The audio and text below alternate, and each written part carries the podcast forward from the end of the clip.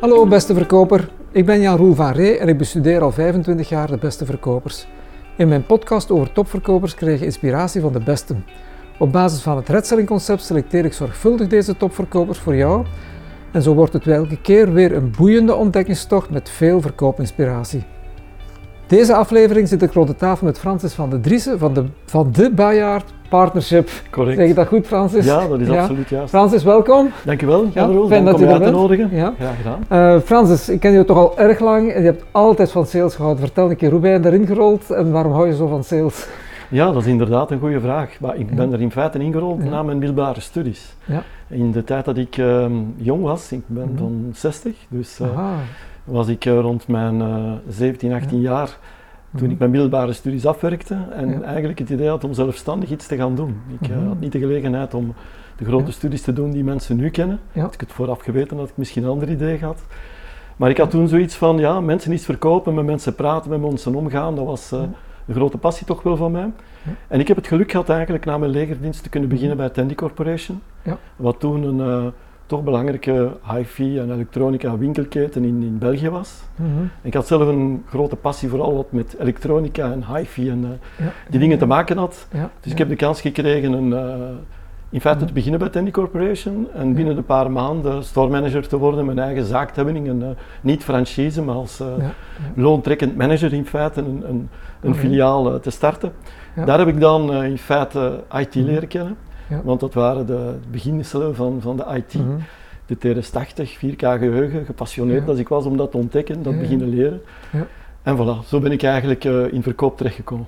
Het eerste wat mij opvalt hè, is hoe gepassioneerd dat je daarover vertelt. Ja. En eigenlijk is dat gewoon wat elke verkoper zou moeten kunnen uitstralen. Die Ja. passie voor zijn, van zijn, werk, voor zijn product ook. Ja. En ik kan me voorstellen, als je je product niet leuk vindt en er niet in gelooft, dat dat toch erg moeilijk is om, om te verkopen. Hè? Ik heb me altijd afgevraagd waarom Ja. mensen dingen doen tegen Ja. hun zin. Ja. En ik vraag me dat nog altijd af. Mhm. Er is niks zo triest dan een niet gepassioneerde verkoper zien. ja. Er is ook soms niks zo irritant dan een te gepassioneerde verkoper zien. Dus het is een kwestie van het midden te vinden. Ja, Maar passie in alle geval hoort, eh, mijn inziens, bij het, bij het Ja. beroep van verkoper. Als je niet een passie hebt voor het product en, en eigenlijk ook voor de firma waar- waar- waarvoor je Ja. werkt, Ja, ja. ja, dan, eh, dan begrijp ik niet waarom mensen het blijven doen. Er is keuze genoeg in de wereld. Het is een kwestie van op dat moment eh, Ja. even stop te zeggen en iets anders te zoeken. Ja, ik denk dat er gewoon de gewoonte is en de gouden kooi waar je misschien in zit, te goed betaald soms en dan Ja. ook blijven. Eh, nu, je hebt heel veel verkopers ontmoet in je leven, vermoed ik. Hè? Eh, Maar ja, absoluut. Ja, ik eh, ben eigenlijk vrij jong store manager geworden en Mhm. een verantwoordelijkheid gekregen over één tot twee verkopers. Ik heb gelukkig bij Tandy Corporation, want ik ben Mhm. vrij autodidactisch zoals ik zei, Ja. de kans gekregen vanaf het begin van mijn loopbaan serieuze opleidingen te volgen. Ik was Ja. eh, vrij jong getrouwd mhm, en ik herinner mij de week dat ik getrouwd was, dat ik onmiddellijk een, eh, mhm. een week was dat naar Wepion bij de Tandy eh, University bij wijze van spreken opleiding moest gaan volgen. Ja. En ja, inderdaad, ik heb, eh, ik heb zelf verkoop gedaan, maar ik heb Ja. eigenlijk al van vrij jonge leeftijd ook altijd een verantwoordelijkheid gehad over Ja. andere verkopers. Dus eh, zonder dat pertinent te willen, maar het werd mij voorgesteld. En, Zijn er ook verkopers die u bijgebleven zijn omdat ze zo goed waren of juist zo slecht waren? Of zo'n voorbeeld absoluut, daarvan een keer? Absoluut. In loopbaan eh, leert je hele goede kennen en hele slechte kennen. Ja. En, en eerlijk gezegd, de slechte, ja, die, die relaties hebben niet zo lang geduurd, omdat mensen Mhm. die echt slecht waren in verkoop, eh, Ja, meestal toch ook eens gesprekken bij had. ja, ja. En, en met hun, hun afvroeg van, is dit wel het juiste beroep waar je in bezig Mhm. bent? Ja. Is dat, Die is dat iets wat je u snel afvraagt bij mensen? Je snel Je ziet dat heel, ik, ik vind dat je dat toch vrij snel aanvoelt. Ik was al vanaf de eerste gesprekken. Soms heeft het ook wat praktijk nodig om aan te voelen. Verkopers die Mhm. zichzelf heel goed kunnen verkopen. Heb je meestal een vrij goede indruk van gedurende de eerste weken, want die zijn daar goed in. Mhm. Maar ja, dat hangt een beetje af van de resultaten eh, Ja. die ze halen, de manier waarop ze met klanten omgaan, eh, die, die Ja. dan toch dikwijls ook een stukje waarheid ontbloten, die wat tijd vraagt om, eh, om te ontdekken. Ja, want ik merk veel bij sales managers dat ze het te lang laten duren. Ja. En is dat ook een raad die jij geeft? Of is het beter om te zeggen, jongens, als je merkt het gaat niet, neem dan relatief snel afscheid? Ik denk dat het best is om de pijn zo kort mogelijk te houden. Ja. Zonder het potentieel daarmee helemaal verloren te laten gaan. Ik denk dat altijd iedereen verdient kansen. Ja. En ik denk dat de manager er ook is om mensen te ondersteunen.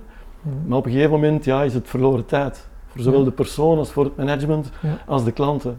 En ik zou zeker niet aanraden om dat te lang te laten aanslepen, maar open gesprekken te hebben met die mensen en ze desnoods wat advies te geven, want zo ben ik wel.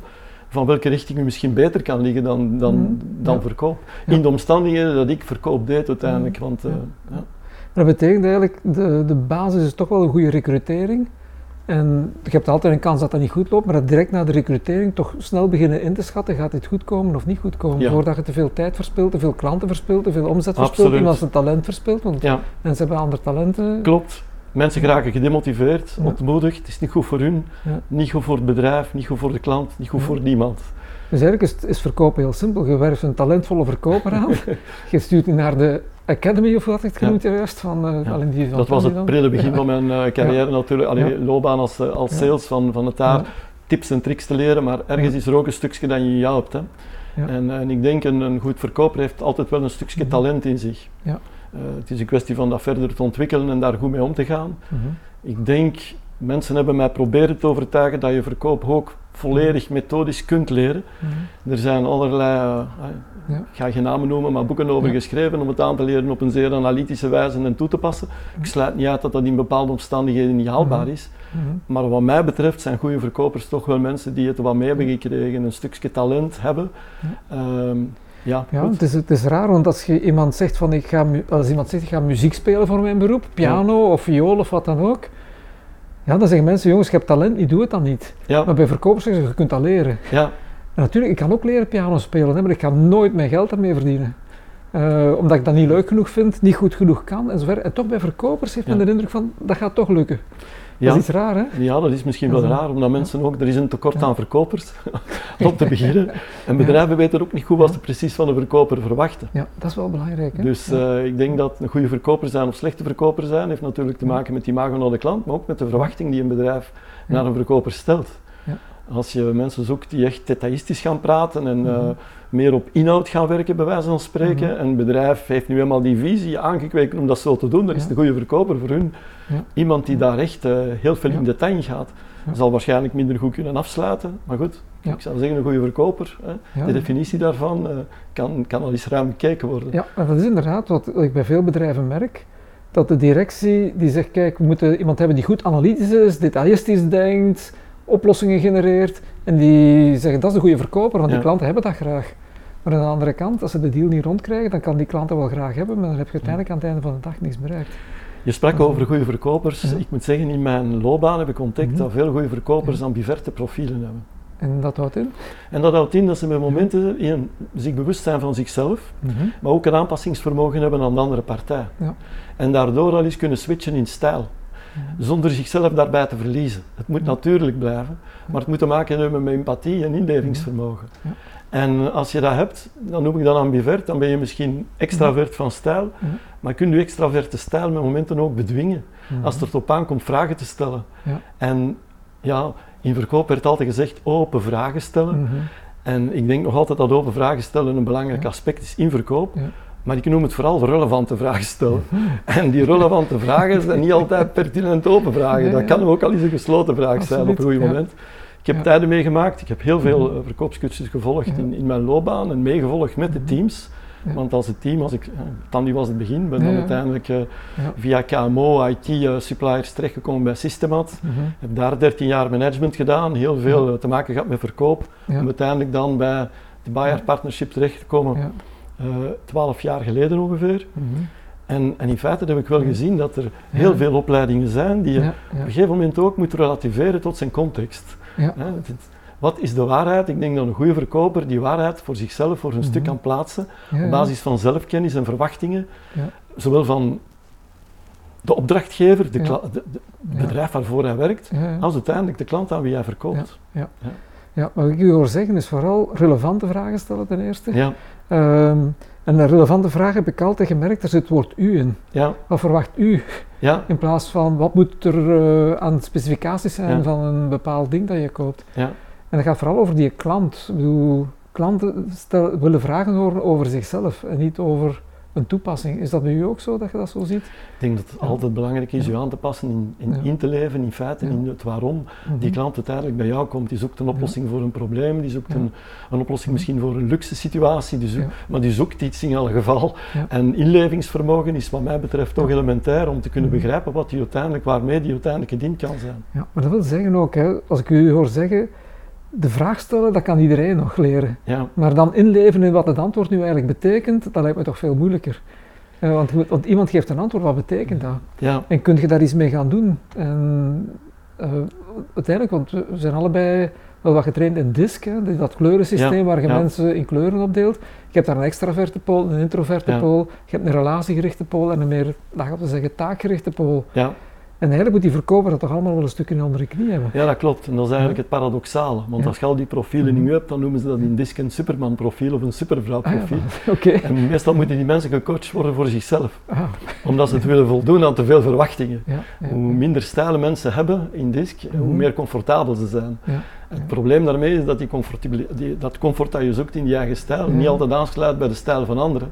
En als je geen inlevingsvermogen hebt, dan ben je ja, eigenlijk op jezelf aan het praten voor je het weet. Of het nu teamwerk is, of management is, of verkopen, het komt altijd op hetzelfde neer. Ja. Mensen worden niet gemotiveerd door hun dingen op te leggen, mensen zijn Mhm. gemotiveerd van zichzelf. Ja. Als de context of het product uiteindelijk overeenstemt met wat ze ervan verwachten. Ja. Als verkoper is het belangrijk dat te kunnen inschatten en een stijl te hebben die zich wat aanpast aan die persoon. Mhm. Maar zoals ik het zei, je mocht er jezelf ook niet bij verliezen. Ja, klopt. Disc is voor mij een mooie. Ze zeggen altijd, eh, don't judge the book by the cover. Mhm. En disc is wat mij betreft een stukje cover. Je kunt daarmee je gedrag in kaart brengen en een Mhm. stukje meer weten over jezelf en een voorkeur Ja. voor gedrag, maar dat zegt Mhm. niet alles. Ja, ja, dat staat ook wel. En, eh, en wat erachter zit zijn dikwijls talenten, drijfveren, Ja. eh, die in sa- samen met uw profiel, met uw disc-profiel of MBTI-profiel of wat het ook zijn, ja. Uw persoonlijke ontwikkeling kunnen, kunnen ondersteunen en, Ja, en zover ja, u beter kunnen laten functioneren en vooral ook comfortabeler kunnen laten functio- functioneren. dat, dat is wel iets essentieel wat je nu meegeeft. Hè. Een model zegt maar één ding. Ja, Dat is maar één een invalshoek. Want als ik inderdaad, ik zeg maar iets geel met rood ben, maar ik hou niet van verkopen, mijn passie ligt in iets anders, dan moet ik ergens anders geel en rood gaan zijn, bij wijze van spreken. klopt. Dan moet ik op het podium gaan staan of iets, eh, weet ik veel. Klopt, ja. En, Dus eh, en te meer het rode kan op een gegeven moment de dominantie gaan domineren in gesprek. Ja. Zodanig dat de persoon niet meer de indruk heeft dat het over zijn probleem gaat, maar over jouw probleem uiteindelijk van iets te willen verkopen. ja, Want je wilt het absoluut afsluiten. ja, Allee, ja, goed. Dus, Maar eh, Dat, dat, is, dat zegt wel iets over verkopers. mhm. Ze hebben namelijk zelf ook een probleem, ik moet verkopen. ja. En als dat te veel naar buiten komt, dan verliest je de klant uiteindelijk. Wel, we hadden het er net over slechte Ja. verkopers. Slechte verkopers zijn mensen die vooral veel over zichzelf praten en niet Aha. weten wanneer ze moeten stoppen. Je kunt dan eens iets zeggen over jezelf, maar hou dat beperkt. Het gaat Ja. uiteindelijk om die klant. Ja. En de vragen die moeten gesteld worden door relevante vragen hebben te maken met die klant. Ja. Ze zeggen altijd, "Allee, ja goed, eh, ik heb zo'n ooit een principe geleerd in, in verkoop wat een spin noemt. Hè. Het is een Ja. methode als een andere, Ja. maar ze is mij altijd bijgebleven, omdat je uiteindelijk eh, ofwel een situatie analyseert, een probleem Mhm. analyseert in feite. Het kan zijn dat je een implicatie analyseert, Ja. of het kan zijn dat je be- bepaalde effecten, nuttige effecten, Mhm. eh, analyseert. Maar ik zeg niet dat je het altijd helemaal in je hoofd moet houden, maar Mhm. eigenlijk zouden vragen in een gesprek daarop moeten gericht zijn. Ja, en ik wou er nog één aan toevoegen bij Spin, de spion, Huh? namelijk de overopportuniteit analyseren. Want de Ah, spin gaat altijd over problemen, implicaties en daar hangt zoiets zwaar negatief Klopt, aan. Hè? klopt. Ja. Dat is iets wat ik tegen Spin trouwens heb, dat dat heel negatief gericht is. Er moet al een situatie zijn, er moet een probleem zijn, een implicatie en dan kom ik dat even oplossen voor u. Ja, ik heb dat misschien met een zekere positieve gesteldheid of probeer positieve, maar, ja, zeg, ik- maar het is mij bijgebleven in feite, zoals een, een andere methode die ik ja, meer dan 30 jaar geleden ondertussen geleerd, dat was DIBA, het definiëren, identificeren, bewijsvoeren en accepteren. Dat zijn eigenlijk de fases die je overal doorgaat. Moet je nu met die fases naar een klant gaan en op die manier gaan verkopen? Nee, maar het kan wel goed zijn om er eens aan herinnerd te worden bij momenten, als je wat je babbel te lang houdt of eigenlijk wat naast de context aan praten Je bent. kunt nog moeilijk tegen de klant zeggen, sorry, je zet een fase voorop, even wachten. Ja, voilà. Ja. Of, oh, hij heeft dat bepaald diskprofiel, dus dat Ja. of dat kan absoluut niet. Dus het zijn allemaal dingen die mooi de context... eh, Mhm. het, het is als praten, praten over een methode heeft weinig zin. Het gaat er eigenlijk om, de methode helpt u om uiteindelijk een einddoel te bereiken. En die methode die gebruik je in background. Het is als projectmanagers die praten over projectmethode. Niemand is daarmee gediend. Nee, wel- willen mensen problemen opgelost zien. nee, maar die, iets met methode voor mij, wat puur methode is, dat werkt in boekhouding voor mij. Ja, Je krijgt een factuur binnen, ah, er moet onder die post komen, dan moet je daar de BTW boeken, Ja. weet ik veel. Enfin, ik weet er niet genoeg van. Maar dat is volgens mij iets wat methodisch is. Ja. Op het moment dat je fiscalist wordt, dan moet je gaan onderzoeken waar kan ik aan de regels ontsnappen. voilà. Dan zijn er geen methodes meer. Kan Of goed zijn zijn. methodes die helpen, maar... Het, het, het is altijd wel interessant is dingen Ja. te lezen. Hè. Ja. Ik denk dat nieuwsgierigheid een van de zaken is, wat ik nu in de Bayard Ja. Partnerships zijn we vooral bezig met eh, projecten realiseren, programma's Mhm. realiseren, veranderingsmanagement. Ja. En wat ik, eh, wat ik dikwijls ontdek, ontdek in feite is eh, ja, in feite goed te weten waarom dat we daar zijn, wat uiteindelijk het probleem is dat we moeten oplossen en waar we moeten zijn binnen zes, zeven maanden om het opgelost te krijgen. Ja. In sales is dat eigenlijk niet anders. Je verkoopt iets, dat moet voldoen aan de wensen van een klant, waar hem liefst tevreden mee is na verloop van tijd. Ja.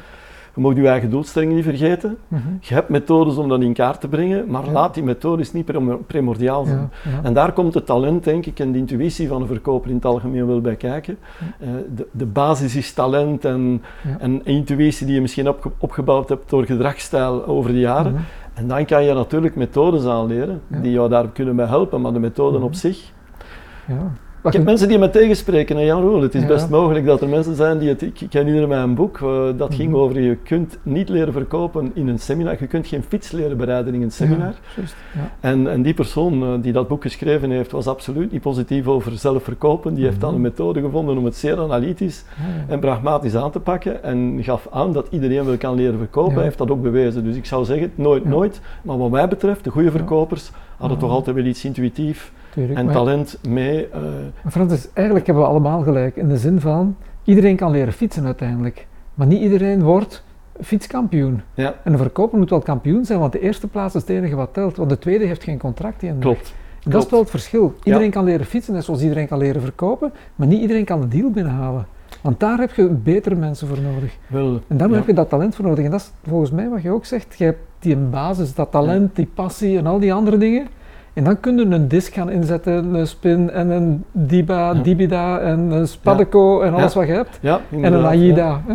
Ja. Maar je kunt moeilijk zeggen, goh, ik kan niet zo goed verkopen, ik ga maar een keer AIDA proberen. Of ik ga maar een keer eh disc proberen. Want degene die disc, die ziet alleen maar kleuren in klanten. En degene die spin heeft geleerd, ziet alleen maar implicaties en problemen bij klanten. En, creëert er geen Ja. verbindend verkoop mee. En in feite, wat mij betreft, de dag van vandaag is verbindend leiderschap het keyword in ondernemingen om mensen intrinsiek te motiveren en zelf ook intrinsiek gemotiveerd te zijn. Want hoeveel leiders zaten niet op plaats, we spraken over gouden kooi, Mhm. waar ze eigenlijk niet hoorden.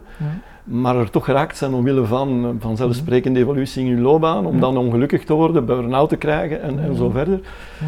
Dus in feite doen wat je graag doet en aanvoelen waar je goed in bent en jouw eigen talenten ontdekken en, en in feite in verkoop ook verbindend werken met mensen. Dus, eh, zonder verbinding krijg je niks. Hè.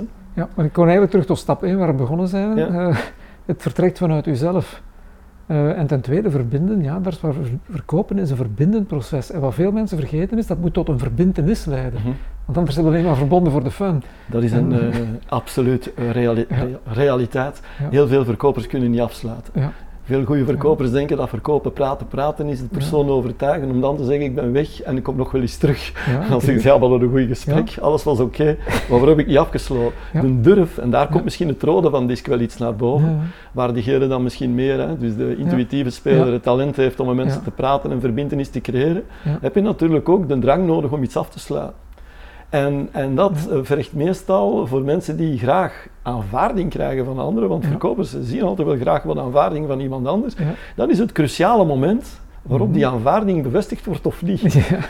En als dat dan niet bevestigd wordt, dan is eigenlijk kans hun verkoopspraat van dat moment Ja. vervalt. ja, want het is een persoonlijke aanvaarding hè, voor gele mensen. Zo is het. Elke verkoper is, heeft toch wel iets van, Ja.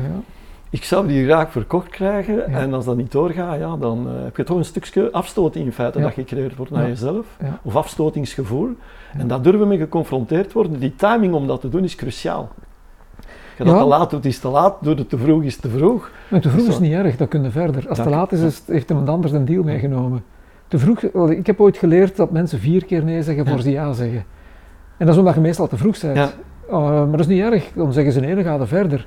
Maar als je die nee persoonlijk neemt, kun je niet meer verder, Voilà. pers- dan zijn je uit balans gebracht. En dan, Als er geen verbinding ja. is, Ja. heb je natuurlijk ook minder mogelijkheid om naar een confrontatie in ja of nee te gaan. En, eh, Tuurlijk, ik zie dat in teamwork ook. Als je in teamwerk werkt, eh, is het een van de belangrijkste elementen om uiteindelijk vertrouwen te hebben in elkaar. Als dat vertrouwen er is, kun je ook al eens nee zeggen tegen elkaar. Als er geen vertrouwen is, wordt het persoonlijk genomen. En als je het persoonlijk neemt, dan ontstaat er natuurlijk irritatie. En een verkoper die irritant wordt, ja, dat is even goed als, eh, Ja, ja, ja. als een deal Ja, nu, laten mislukken. wat ik merk, eh, als ik u hoor spreken, eigenlijk in essentie is te zeggen, kijk jongens, zorg dat je de, de dingen doet waar je passie voor hebt, waar je een drive voor hebt, waar je talent voor hebt. En dan kun je van daaruit beginnen te bouwen met een aantal modellen, inzichten. Uh, je kunt gaat, natuurlijk je gaat klanten moeten ontmoeten en zo verder. En dan is het te verbinden. Ja. Dan is het verbinden met die klant. Die klant niet alleen verbinden met u, maar ook met uw product, met uw bedrijf, tot een verbindenis komen. Ja. En, ja, en vooral niet de dingen doen die je leert, maar ze gewoon toepassen op momenten dat dat een keer bruikbaar is. En niet omdat uh, Spin zegt nu is het tijd om de P en dan de I te doen. Absoluut. Maar een keer gewoon ja. uw, uw gezonde intuïtie laten werken. Als ik het... Als er één les is die ik geleerd heb, is misschien dat ik mezelf nog vroeger had leren kennen als ik, mhm. zoals ik ben, op een vroegere leeftijd. Veel mensen laten zich eigenlijk mhm. een beetje niet gewissen over wie ze zijn of willen het niet inzien. Ik denk dat het heel belangrijk is voor goede verkopers om te weten wie ze zijn, wat, mhm wat hun sterke punten zijn, wat hun zwakke punten zijn, of verkoop inderdaad aansluit bij hun mhm. intrinsieke motivators, zoals het gezegd wordt, en anders andere richtingen te zoeken. Ja, daar ben ik het absoluut mee eens. En eigenlijk kunnen we wel zeggen dat dat voor elk beroep zo is, als je het Absoluut, eigenlijk wel. Ja. dus voor elk beroep van toepassing. In dus, verkoop heb je eh, natuurlijk altijd die constante confrontatie met andere mensen. Francis, laten we hier dan bij eindigen, want dat is een hele mooie om te eindigen, dat je eigenlijk moet doen waar je goed in bent, waar je je passie in vindt en dat je de durf moet hebben om dat ook te veranderen als het niet is voor u. En gewoon een ander beroep te kiezen, een andere bezigheid. En de relevante dingen blijven doen en niet de dingen die toevallig in het model staan. Het lijkt me dat, dat het is. Ik denk dat dat een prachtige afsluiting is, ja. Jan Francis, bedankt Dank voor het interview. Het was me heel fijn. En uh, tot een volgende gelegenheid. Graag tot de volgende keer. En voor jou, beste verkoper, ook tot de volgende aflevering. Tot ziens. Dag.